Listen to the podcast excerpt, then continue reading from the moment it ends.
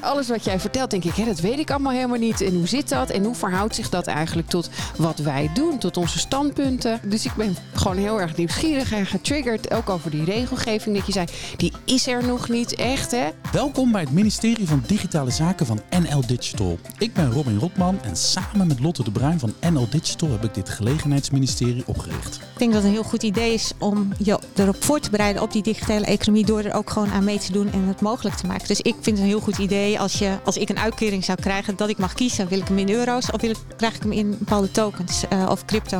Elke aflevering praten wij met een deskundige of omdenker over de belangrijkste thema's rond digitalisering. En vandaag is de gast Marloes Pomp van de Dutch Blockchain Coalition. En Marloes is de belangrijkste vrouw in Nederland als het gaat om onze internationale strategie op het gebied van blockchain. Zo, Zo wat de een eer. belangrijkste. Tut, tut. Ja. Leuk dat je er bent, Marloes. Jij bent hier dankzij Diederik Samson. Hij was een paar weken geleden bij ons te gast uh, in ons ministerie. Uh, om te praten over meer het Europese perspectief. En uh, we vroegen aan hem van, joh Diederik, waar, waar, waar, moeten we het nou nog over hebben? Wie moeten we nou nog ons ministerie binnenhalen? En toen zei hij, ik wil meer weten over blockchain. En volgens mij vertegenwoordigt hij uh, zeg maar de verwarring en het sentiment die wij in de samenleving horen over blockchain. Luister even mee. Ik weet eigenlijk nauwelijks precies wat het is. En ik weet ook niet wat de gevaren ervan zijn. En ik weet ook niet of het daadwerkelijk erg. Kijk, de, de, toepassing die we geloof ik om ons heen zien tegenwoordig, zelfs in de reclames, tot mijn schrik, is, is Bitcoin. Volgens mij is dat het grootste piramidespel wat ooit is bedacht. Maar uh, de technologie daaronder, die blockchain, die, die, lijkt me nuttig voor zaken. En ik denk ook wel ongeveer te begrijpen wat het is. Maar als iemand mij nog precies kan uitleggen wat de ins en outs ervan zijn, en vooral ook wat het publieke verantwoordelijkheid is die je daarbij zou moeten nemen. En want de essentie van, van dat systeem is dat je geen publieke verantwoordelijkheid meer nodig hebt. Dus dat klinkt, dat klinkt angstaanjagend voor iemand die zijn hele leven in de publieke sector heeft gewerkt. Dus als ik daar nog iets meer van kan leren, dan luister ik graag mee. Dat zijn nogal wat vragen van die Diederik hier stelt. Hij, is, hij noemt het angstaanjagend. Hij, hij, hij heeft het over gevaren. Is, la, la, laten we de vragen van Diederik uh, langslopen. Eerst maar gewoon eventjes. Blockchain, wat is het? Nou, allereerst ben ik natuurlijk heel blij dat Diederik en steeds meer mensen toch interesse krijgen in blockchain technologie.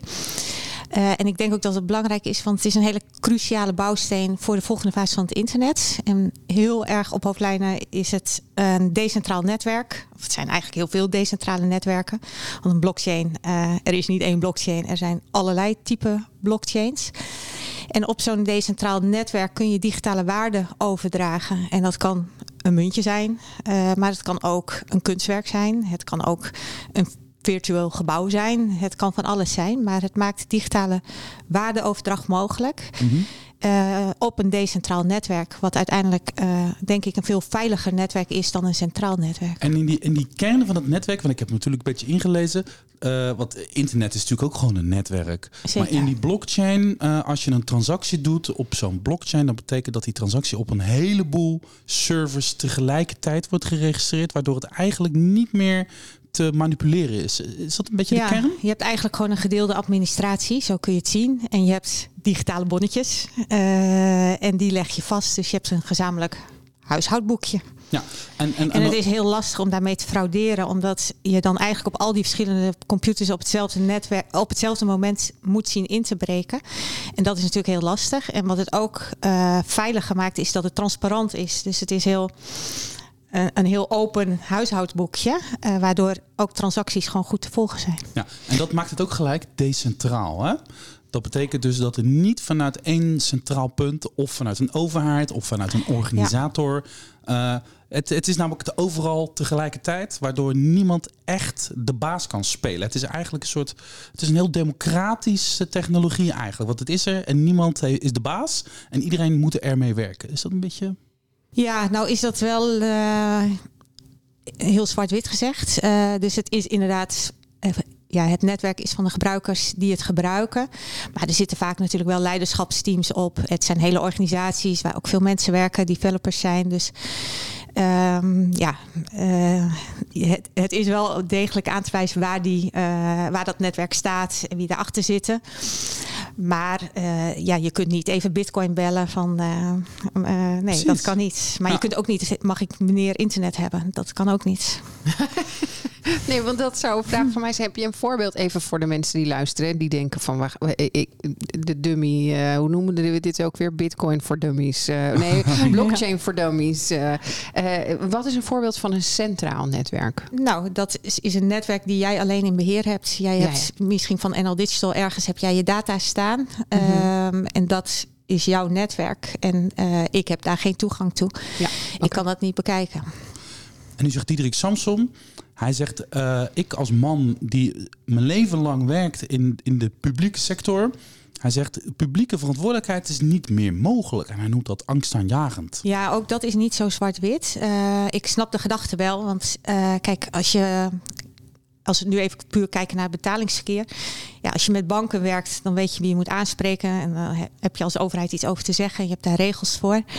En ja, de angst zit er natuurlijk een beetje in van ja, maar dit zijn netwerken waar we eigenlijk geen grip op hebben of waar we de controle niet over hebben. Uh, maar dat komt ook omdat we er nog niet goede regels voor hebben. Uh, dus je kunt wel degelijk natuurlijk uh, ja, de cryptowereld reguleren. En dat gebeurt ook steeds meer. En dan heb je er dus weer best wel weer grip op. maar het is niet zo dat je even kunt zeggen van nou, we verbieden bitcoin. Ja, je kan het wel zeggen, maar dan is het er uh, nog steeds. En daar zit natuurlijk een beetje de, uh, de ja, angst ja, van... Ja, ik, ik, ik, ik, ik wil straks wil ik heel graag door op wat kunnen we nou met dit? Want jij zegt het is een belangrijke bouwsteen van het, van het internet van morgen eigenlijk. Hè? Ja. Dus dat betekent dat het eigenlijk alles mogelijk gaat maken wat we online gaan doen. Maar toch nog even wat, uh, de, de blockchain is zeg maar, beleefde een, een soort van doorbraak met de, de crypto's, de bitcoin. Dat, is, dat, dat was zeg maar de, de grote proof of concept van de blockchain. Dat maakte de crypto space mogelijk. Ja. En dan zegt Diederik Samson, en dat gooi je natuurlijk best wel vaak, ja. het is één groot piramidespel. Ja, en dat ben ik totaal niet met hem eens. Uh, kijk, in eerste instantie in Nederland was ook, maar ook binnen Europa was in eerste instantie een beetje de tendens van ja, de crypto is allemaal spannend, uh, willen we eigenlijk niet. Maar de technologie eronder, de blockchain is wel heel interessant. Oh, ja, maar, dat hoort je steeds. Ja, dus dat was het precies. Ja, ja. ja, En dat zeggen heel veel uh, mensen hebben dat beeld. en in Nederland zijn we denk ik ook in eerste instantie zo begonnen. Maar je kunt het niet los van elkaar zien. Je hebt een digitale administratie wat digitale waardeoverdracht mogelijk maakt. En dat is een heel essentieel stukje. Uh, ja, en dat kun je niet los van elkaar zien. En dat is nou net het unieke wat blockchain brengt. En dan kun je wel zeggen, nou dat stukje, dat schrappen we dan even. Ja, dan hou je eigenlijk niet heel veel interessants over. Het hoort echt bij elkaar. Het decentrale netwerk en het digitale bonnetje. Het wordt heel spannend en heel schimmig gemaakt. Hè? Altijd een beetje gelinkt aan criminele transacties. Uh, omdat je dan uh, zogenaamd niet zou kunnen zien ja. dat dat plaatsvindt. Hele series worden erover gemaakt. ja, het is... ja, en ook dat, uh, kijk, je moet ook ja, met gewone euro's, dollars vindt ook fraude plaats. Ja. Uh, en als je eenmaal je opsporing goed hebt en ook als je bijvoorbeeld met Fiat spreekt, geef ook aan van ja, in Nederland gaat dat eigenlijk best wel goed. Uh, en ook de opsporing uh, hebben ze best wel onder controle. Ja. Uh, en dat, dat is niet anders dan met andere geldstromen of vastgoed of wat dan ook. Dus dat is niet iets specifieks voor de cryptowereld, maar dat hangt er nog steeds een beetje omheen. Dus uh, ja. maar dat, ja. ja. weet je wat ik nou zo leuk vind? Jij bent natuurlijk een hele beide hand vrouw, hè? Want jij zat eerst met je snuffert bovenop die AI-coalitie, hè? Uh, dat is echt gewoon voorop lopen met kunstmatige intelligentie. De industrie en de politiek bij elkaar brengen. Tegen het beleid. Hier moeten we iets mee met z'n allen. Dat heb jij, daar ben je belangrijk in geweest. En dat heb je, ben je toffe dingen gedaan. En nu zeg je, hey, die blockchain, daar wil, daar wil ik me nu tegenaan bemoeien. Wat is nou, nou, nee, het is anders begonnen. Ik train al uh, jaren topambtenaren. Uh, en in nieuwe technologie. Dus alles. Quantum, AI, blockchain, alles. Alleen blockchain vonden ze altijd het minst leuke. het was te vaag. begrepen ze niet goed. ja, ze snapten niet goed wat ze ermee konden. En toen ben ik op een gegeven moment blockchain projecten gaan doen. Omdat ik dacht, ja, we moeten het tastbaarder maken. Wat kan je hier nou mee? Ja, ja en dat is uiteindelijk ja, zo ben ik er eigenlijk ingerold. Maar dat was vooral omdat ik het niet uitgelegd kreeg. En wat is dan die hmm. Dutch Blockchain Coalition? Ja, dat is eigenlijk een uh, publiek-private samenwerking. Dus een heel aantal ministeries doen mee, een heel aantal bedrijven doen mee, uh, start-ups, scale-ups en kennisinstellingen. Om met elkaar na te denken over hoe kunnen we deze technologie nou voor goed inzetten? Wat, hoe kunnen we het gebruiken? En dan werken we aan de ene kant aan hele concrete use cases. Denk bijvoorbeeld aan oplossingen, een decentraal, uh, decentrale oplossing voor het energienetwerk. Uh, maar het kunnen ook uh, ja, discussies zijn, bijvoorbeeld over de regulatie van crypto. En bijvoorbeeld alle centrale banken zijn ook bezig met een eigen vorm van een munt.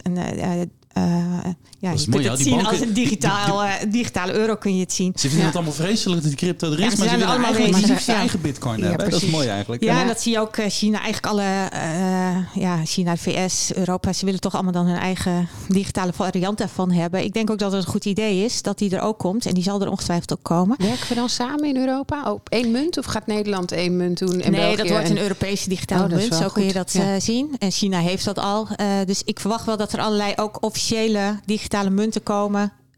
Uitgegeven door overheden.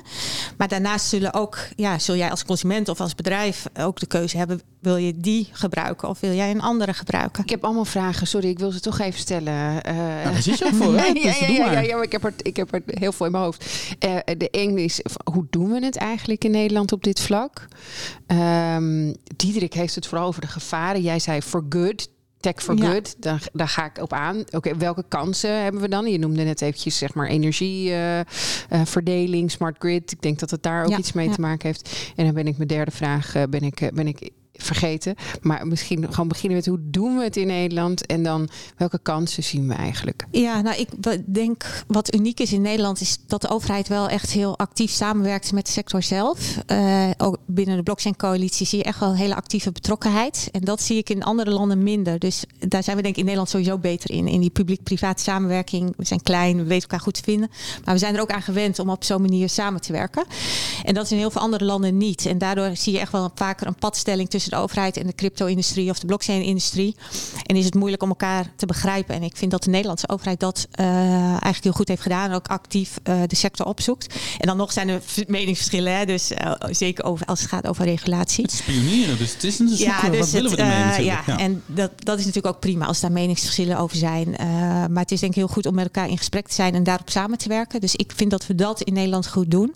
Ik vind ook dat we ontzettend mooie bedrijven hebben die met blockchain crypto bezig zijn. Maar wat ik nog leuker vind is eigenlijk, er zijn steeds meer bedrijven die ik nu, die noemen zich helemaal geen blockchain of crypto bedrijf meer, maar die gebruiken het volop. Dus een, simpel voorbeeldje is eh, de Fabricant. Zij maken digitale mode. Ja, zij gebruiken crypto voor betalingen. Ze hebben een decentrale marktplaats waarop je je digitale jurkjes eh, of schoenen of wat dan ook eh, kunt verkopen. Ze werken aan een decentrale autonome organisatie erbij die ook de governance gaat doen. En dus je ziet, maar zij zeggen niet wij zijn een blockchain bedrijf of een crypto bedrijf. Zij zeggen wij maken digitale mode. En ik vind denk dat Nederland eh, dat we echt een aantal toppers hebben qua bedrijven die dus eigenlijk het heel goed weten te integreren en te gebruiken. En het dus niet meer zo zeer over de technologie hebben, maar over de oplossing. Wat doen we dan? Wat bouwen we ermee? Wat kunnen we oplossen? In die zin doet het mij een beetje denken aan nanotechnologie. Hè? Dat was tien jaar geleden, kwam nanotechnologie op. En toen was het ook een beetje schimmig, vreemd. Het was, eh, we vonden het een beetje vaag en het was ook spannend. Eh, maar in principe zit het natuurlijk gewoon overal in. Dus, en Exact. een heleboel bedrijven werken, ermee, mensen zitten zit meer telefoon, zit overal in. En dat is dit ook. Blockchain zit overal eigenlijk.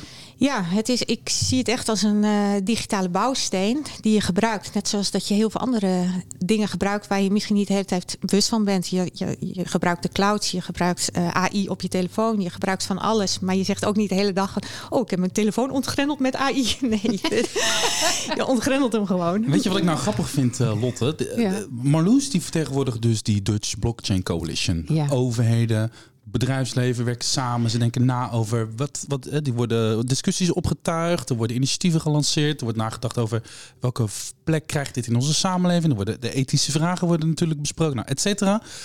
Die eh, bedrijven in die coalitie, dat is natuurlijk voor een deel jouw achterban. Dit is gewoon digitalisering. Ja. Ehm, en, dan maar, ik, maar jij bent net als ik volgens mij een beetje een soort Alice in Wonderland. Het, Ja. het kruist je pad waarschijnlijk constant, maar het is niet top Nee. of mind. Wat, hoe, Nee, ik wat merk het ook aan hier? mezelf. Ik, zit, ik, word- ik, word, eh, ik, ik ben meer in de eh, positie dat ik inderdaad heel erg naar jou kijk. Van, goh, wat vertel jij hier allemaal over? Dat ik er eigenlijk niet zo heel veel van weet. Wat ik gek vind, omdat inderdaad mijn leden, of een deel van mijn leden, is ook aangesloten. Eh, maar het gaat er aan deze tafel, zeg maar binnen de branchevereniging, vrij weinig over. Kan ermee te maken hebben dat wij zeg maar innovatie en technologie vooral bij de bedrijven zelf laten, want dat is natuurlijk ook iets waar ze, waarop Ja. ze concurreren. Alleen als ik jou hoor praten, heb jij het meer eh, over blockchain als een randvoorwaarde, hè? Ja. Als, als middel om een doel te bereiken. En dat is wel heel erg waar wij van zijn. Dus ik merk ook dat ik allemaal vragen heb. Digitale mode, wat is digitale mode? Ik heb helemaal geen idee. Alles, alles wat jij vertelt, denk ik, hè, dat weet ik allemaal helemaal niet. En hoe zit dat en hoe verhoudt zich dat eigenlijk tot wat wij doen, tot onze standpunten. Uh, dus ik ben gewoon heel erg nieuwsgierig en getriggerd, ook over die regelgeving dat je zei, die is er nog niet echt, hè? Maar hoe zouden nou, we die dan... is ja, tuurlijk. Maar hoe zouden we dat dan uh, vorm moeten geven en hoe verhoudt zich dat tot allerlei andere wet en regelgeving? Kijk, ik denk sowieso binnen de Dutch Blockchain Coalition, wat we in eerste instantie hebben gedaan, is eigenlijk iedereen die met blockchain bezig is, verzameld en dan met elkaar in gesprek. En ik denk dat we nu in de fase zijn dat we ook veel meer naar buiten moeten. Dat we misschien bij jullie leden ook uh, actiever uh, in beeld moeten zijn en met, met jullie leden ook in gesprek moeten gaan. En datzelfde geldt voor andere industrieën. Uh, je ziet bijvoorbeeld in de muziekwereld en in de kunstwereld wordt blockchain natuurlijk ontzettend veel gebruikt op dit moment. Dus we moeten veel meer die industrieën ook gaan helpen met de kennis die we hebben over blockchain. om te zorgen dat ook echt veilige, goede producten worden gebouwd. Dus ik denk dat we sowieso veel meer uh, in plaats van dat we in ons eigen kringetje zitten, dat we veel meer naar anderen toe moeten gaan om, ze, ja, om ons kennis te brengen. Um, wat was je vraag? ik ben nou, over de regelgeving. Over de regelgeving. Wat is nou, wat is nou, ja. de, wat is nou op dit moment zeg maar, het springende punt waar, de, weet je, waar die nervositeit van Diederik Samsom ook zit? Van wat moet, waar moeten we nou eigenlijk een regels voor? Weet je wel, hoe maken ja. we nou dat hele decentrale systeem toch iets waar wij als een democratische samenleving toch iets over te zeggen ja, te. Ik denk, dit is toch het na, nadeel van het imago denk van Bitcoin, uh, waar deze, deze gedachten vandaan komen. En ik denk zelf dat het veel minder spannend is uh, dat dan denk het. Ik, dat denk ik eigenlijk ook hoor. Ja, het, is, het gaat echt over van, uh, de volgende fase van het internet. dus als je gewoon even terugkijkt, web 1.0. Nou, we hadden statische websites, web 2.0. ja, we kregen de platformen, de social media en je kon content ook zelf plaatsen. Je werd een zender, weet je ook. Ja, dus, ja dus content produceren werd mogelijk voor ons allemaal. Uh, en ook, we konden daar interactie met elkaar hebben. Uh, dus dat is iets heel moois, denk ik, wat Web 2.0 heeft gebracht. We hebben inmiddels ook geleerd nou ja, wat er beter kan. Uh, de monopolies. nou, nou, ja, het internet is eigenlijk ook een beetje stuk. een belangrijk deel van onze gesprekken in dit ministerie ja. over. Het ministerie van Digitale Zaken. Maar nu Web 3.0. Ja, 3.0 gaat eigenlijk, een, is dan de vol, ik zie het gewoon als de volgende fase waarbij uh, het veel meer gaat over communities. Communities worden heel belangrijk in Web 3.0, maar ook over ownership. Dus communities zullen veel meer ook uh, eigenaarschap hebben middels dus onder andere blockchain over uh, nou ja, de producten, de diensten die worden aangeboden op Web 3.0.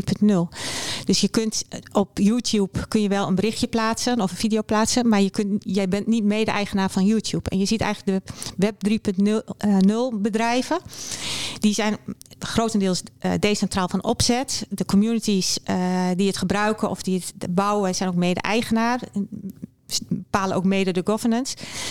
En uh, wat Web 3.0 brengt is uh, ja, digitale waardeoverdracht. En dat okay. is een heel cruciaal iets. En dat kun je niet regelen, denk ik, op dit moment zonder uh, blockchain. de blockchain. Oké, okay, nu gaan ja. we dus die blockchain verder afpellen. Want dit vind ik dus tof, hè? Is blockchain ook de technologie die we in de toekomst gaan gebruiken om onze privacy veilig te stellen? Dat ik dat de gegevens die ik genereer door de, alleen maar door hier te zijn, zeg maar dat ik daar ook ownership van krijg. Dat ik meer, dat ik, dat ik nu een tool in handen krijg, dat die, uh, dat die gegevens alleen maar deelbaar worden als ik dat wens. En dat het, dat, dat het controleerbaar wordt, dat ik daar controle over krijg. Ja, nou, ik, ik denk dat we daar sowieso uh, naar moeten streven in Web 3.0. Want dat is wel een van de dingen die gefixt moet worden. Maar daar heb je wel meerdere technologieën voor nodig. Dus wat je bijvoorbeeld ziet is toch uh, de opkomst van privacy enhancing uh, technologies. En dat koppel je, combineer je dan eigenlijk met de blockchain. Dus je kunt bijvoorbeeld zeggen een zero knowledge proof gebruiken. Dat is gewoon een wiskundige techniek. En dan kan jij vragen, is Marloes ouder dan 18 of niet? En dan krijg je een ja of een nee terug zonder dat je een een rijbewijs of een paspoort hoeft te laten zien. Ja, ja, maar dat ja. jij er wel van uit kan gaan, hey, uh, de informatie die ik nu terugkrijg uh, klopt. klopt en zo kun je denk ik door dit soort technieken veel meer in te zetten uh, en te combineren. En AI speelt er ook weer een rol bij. Kun je, kunnen we veel betere oplossingen gaan bouwen. En dat is denk ik ook een reden waarom we ons ermee moeten gaan bemoeien. Het gaat nu wel over de volgende fase van het internet. En als we iets willen doen, moeten we nu. Uh, we moeten dat gaan vormgeven. Ja, we moeten dat exact. En Zijn anders we niet te laat daarmee? Nee, het nee? is nee, nee, nee, nee, zeker niet. Uh, maar het gaat wel hard. En wat wij uh, denk wel voor op je hoede moet zijn, is dat wat zijn nu de grootste investeerders in Web 3.0? Dat zijn de huidige techbedrijven en een paar die gamingsplatformen. Die gaan natuurlijk wel aan het, is aan het knal. Maar dat is ook ja. de metaverse. Het, het, zeg maar, het, het internet waarbij, zeg maar, waar je in zit. Het driedimensionale internet. waar Ja, maar dat Web 3.0 beweegt. is eigenlijk de basis daarvoor. Eh, En maak je het virtueel, driedimensionaal, vierdimensionaal, dan, spreek heb je je- over een virtuele wereld. Zijn Yes. die allemaal aan elkaar gekoppeld? Dan pas hebben we een metaverse, dus daar zijn we nog niet. En, maar de technologie ja, ja. is ook weer blockchain. Ja, heel veel. Als je kijkt naar de nieuwe generatie internetbedrijven, eh, de Web 3.0 bedrijven of metaverse eh, platformen, ja, die gebruiken grotendeels decentrale oplossingen, decentrale infrastructuur. Daar gebruiken ze tokens, crypto voor betalingen, ze gebruiken of voor eh, om digitale waarde vast te leggen, Eh, digitale marktplaatsen, eh, decentrale digitale marktplaatsen. Dus heel veel van die elementen zitten al in die nieuwe generatie internetbedrijven. Ja, en dat ontwikkelt zich heel, heel hard. En dat zijn, ik, niet iedereen zal overeind blijven, maar daar zullen wel de grote nieuwe. Oké, hou dit vast. Dit vind ik een leuke cliffhanger. Lotte, we gaan even de rubriek eh, doen eh, als ik minister van Digitale Zaken was. En daarna gaan we aan Marloes vragen hoe jullie, hoe jouw achterban geld gaat verdienen aan deze blockchain. Ja. Waar liggen de kansen? Waar liggen de mogelijkheden? Wat gaan en we ik ben ook zo benieuwd hoe die ambtenaren inmiddels reageren op jouw training. Of ze nu al denken, ik wil meer bijles van me doen. Maar eerst, Goed, ik ga jou eerst twee vragen stellen. Of vier vragen stellen. Dat zijn twee ja-nee vragen. Je mag achteraf nuanceren en twee open vragen. Als ik minister van Digitale Zaken was, dan zou ik uitkeringen in crypto's uit laten betalen. Ja, hey, Duidelijk. Ik wil zo horen waarom. Als ik minister van Digitale Zaken was, dan zou ik het mogelijk maken dat elke Nederlander zich gratis kan omscholen naar een digitaal beroep met toekomstperspectief. ook ja. Kijk, heerlijk. Wat hoop je als minister van Digitale Zaken dat digitalisering Nederland brengt in de komende tien jaar? Nou, ik hoop dat we voor onszelf, maar ook voor de volgende generatie, een beter internet eh, gaan neerzetten. En ja, daar moeten we nu mee aan de, aan, aan de slag. en Dus- wat is dat betere internet? Is het moreel Nou, beter of function- functioneel beter? Wat is een beter internet? Nou, meer grip op je privacy. Ehm, een betrouwbaarder internet. Maar ook eh, een basis voor een nieuwe digitale economie.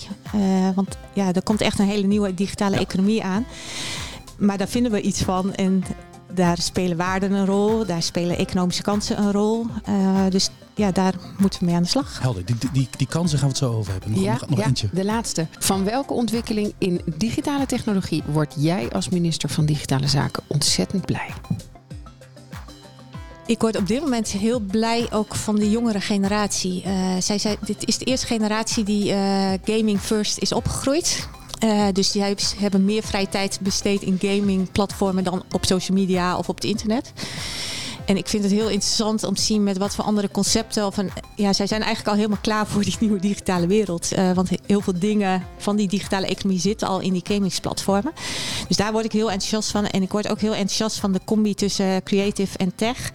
Dus je ziet, in, ik ben natuurlijk ja, afgelopen jaren heel veel met developer teams aan de slag geweest. En dan ben je gefocust op het moeten doen. En het moet werken. Maar het zag er nooit mooi uit. En het was ook niet gebruiksvriendelijk. Ehm, en dat heeft ook denk ik niet geholpen in het imago van crypto. Want het, ja, zag er niet uit. En het was ook niet heel makkelijk om ermee te beginnen.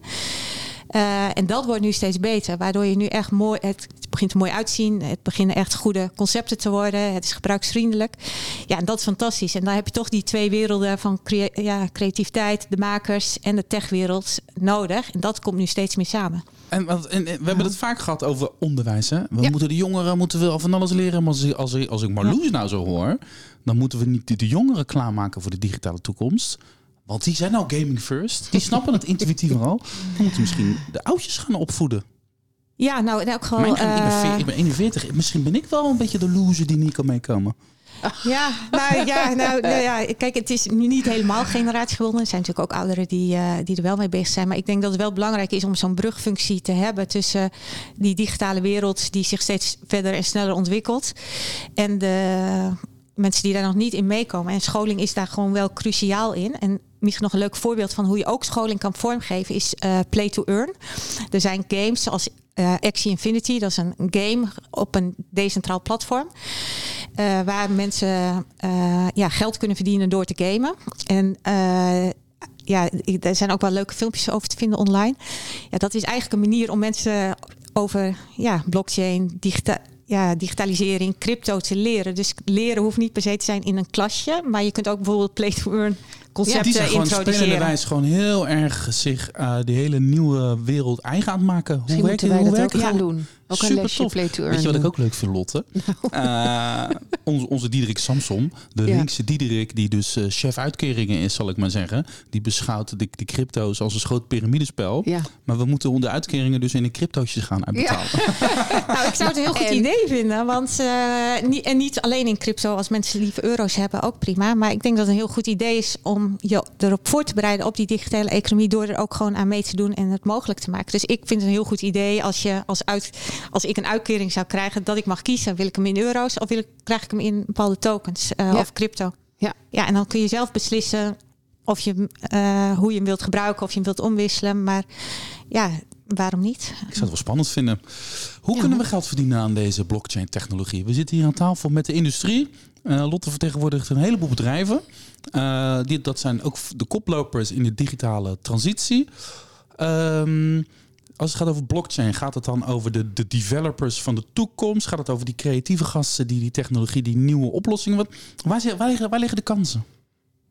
Nou, eigenlijk krijgt elke sector ermee te maken. Eh, aan de ene kant is, zal er dus een digitale bouwsteen zijn in hun digitale oplossingen. Eh, maar je ziet ook natuurlijk eh, ja, businessmodellen veranderen. Of het is nodig om bepaalde ja, maatschappelijke problemen aan te pakken. Daar liggen natuurlijk heel veel kansen. Maar het, eh, ik denk het leren werken met communities is ook een hele belangrijke. Ehm, en dat, Hoe bedoel je dat? Het leren werken met ja, communities? nou, communities worden in eh, Web 3.0 gewoon heel belangrijk. Ehm, en een voorbeeldje is bijvoorbeeld hoe je dat kan gebruiken. Ik heb een NFT gekocht van een eh, schrijver.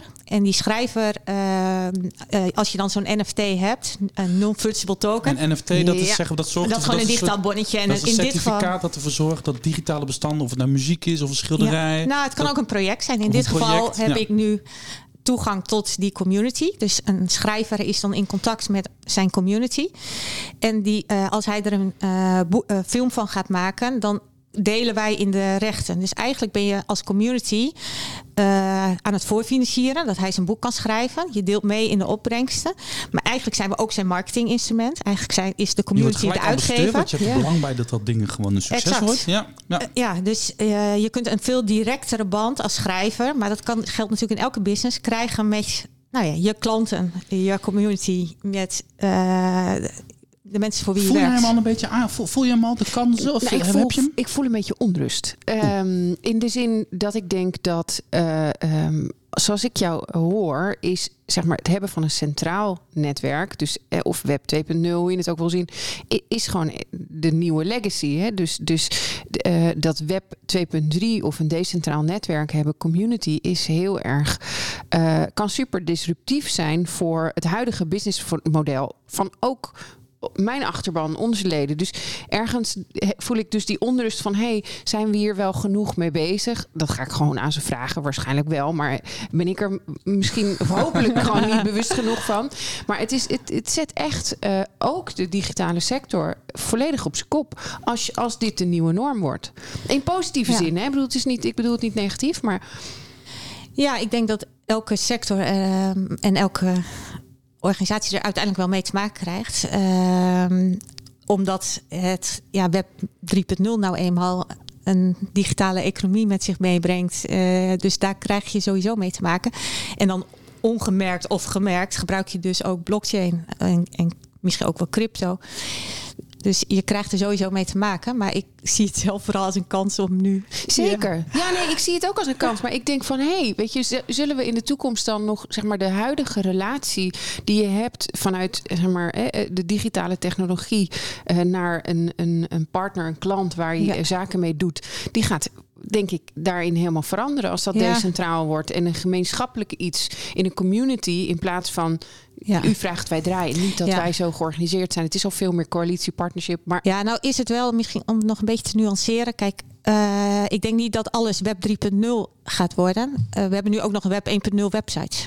Eh, Die zijn er ook. En, Ja. Dus ik denk ook niet dat Web 3.0 een vervanging is van 1 en 2. Maar het komt er bij. bij.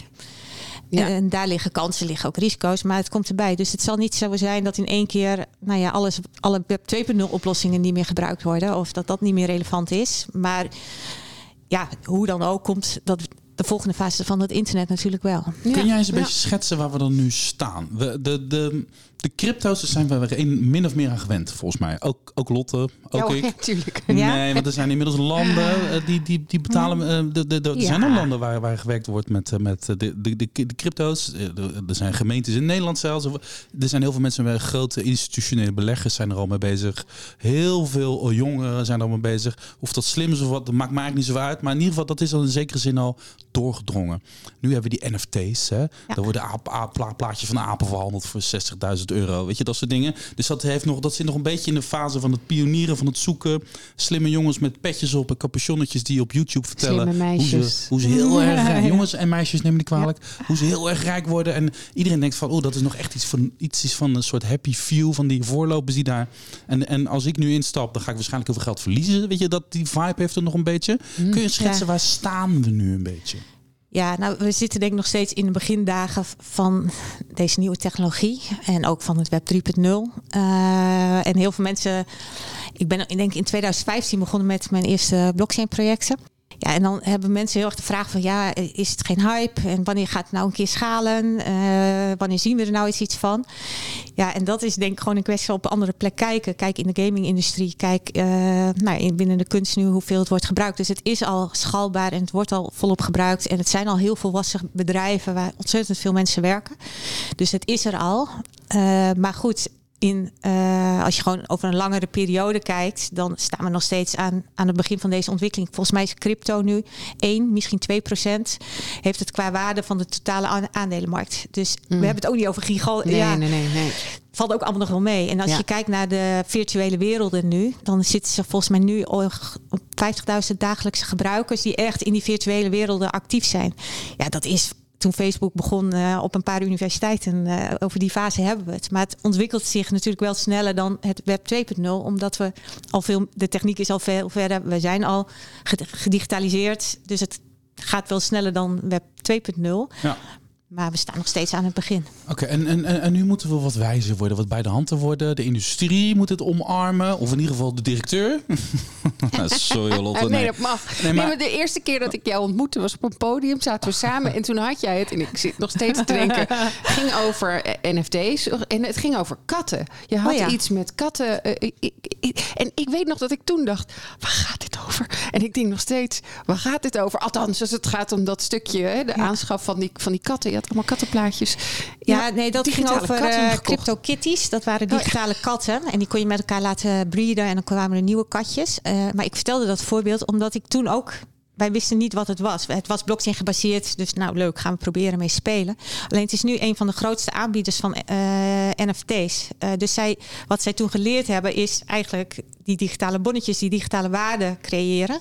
En nu noemen we het een NFT. Maar toen hadden we geen idee wat het was. Ja. Ah. Ja. En dat is natuurlijk wel heel interessant, want ook in die virtuele werelden of in de metaverse, ja, je hebt natuurlijk eh, digitaal land. eh, en sommige vastgoed is al duurder dan gewoon regulier vastgoed.